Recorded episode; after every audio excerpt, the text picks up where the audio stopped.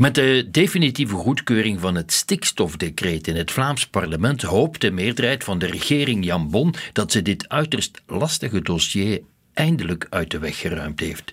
Dat wil zeggen, volgens de morgen, enkel naïvelingen zullen dat echt hopen. Het enige wat het decreet doet, is wat tijd kopen. Bart Eekhout voorspelt dat een volgende Vlaamse coalitie het puin zal mogen ruimen. Hopelijk slaagt die volgende regering er na de verkiezingen in om tot een degelijk, ruimer en beter akkoord te komen. Hopelijk kan zo'n akkoord dit decreet overbodig maken, vooraleer het gerechtshof het annuleert.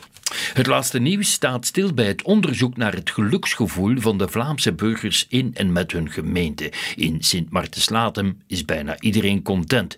Ja, voor mensen met veel geld is het vaak iets makkelijker om tevreden te zijn, schrijft Isolde van den Einde. In Gent daarentegen zit het vertrouwen in het gemeentebestuur op een dieptepunt. Het is niet toevallig dat Gent met een enorme schuldenberg kampt. Inwoners zien gewoon niet graag dat hun gemeentebestuur voor Sinterklaas speelt op hun eigen kosten.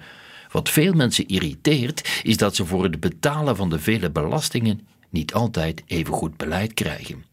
Zelfde thema in Gazet van Antwerpen. Eigenlijk is er goed nieuws. Op de vraag alles bij elkaar genomen, hoe gelukkig zou je zeggen dat je bent, zegt 83% een relatief groot geluksgevoel te hebben, net een procentje minder dan in 2020. Des te pijnlijker zijn de scores her en der die zwaar onder de gemiddelde zitten, zoals, maar niet alleen, in Boom, waar slechts 47% van de burgers tevreden is. Moet de Vlaamse overheid zich daar iets meer mee moeien, vraagt Dirk Hendrik zich af, in plaats van alleen maar te peilen naar het geluksgevoel. We mogen die gegevens over de tevredenheidsenquête niet onderschatten, vindt de tijd. Het ongenoegen over de afbouw van lokale diensten is een belangrijk signaal. De uitdaging is lokale gemeenschappen draaiende te houden als lokale diensten verdwijnen. Lokale dienstverlening heeft zijn prijskaartje.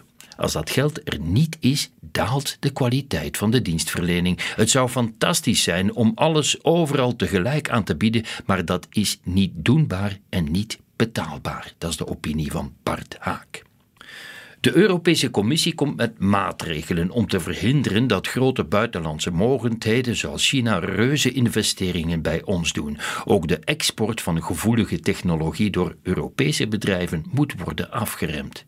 Dat is heel ambitieus, schrijft de standaard, en het roept vragen op. Wanneer is een investering strategisch of technologisch gevoelig? Lidstaten maken elk hun eigen afweging. De Europese Unie mag zich niet uit elkaar laten spelen.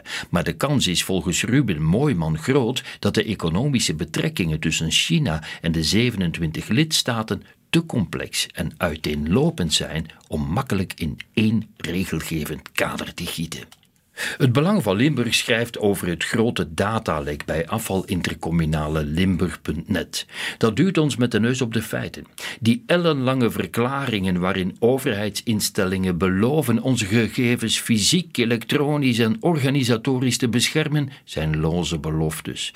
Overheidsinstellingen duwen ons al maar meer naar digitale loketten begrijpelijk, want mensen hebben wat beters te doen dan aan te schuiven aan fysieke loketten.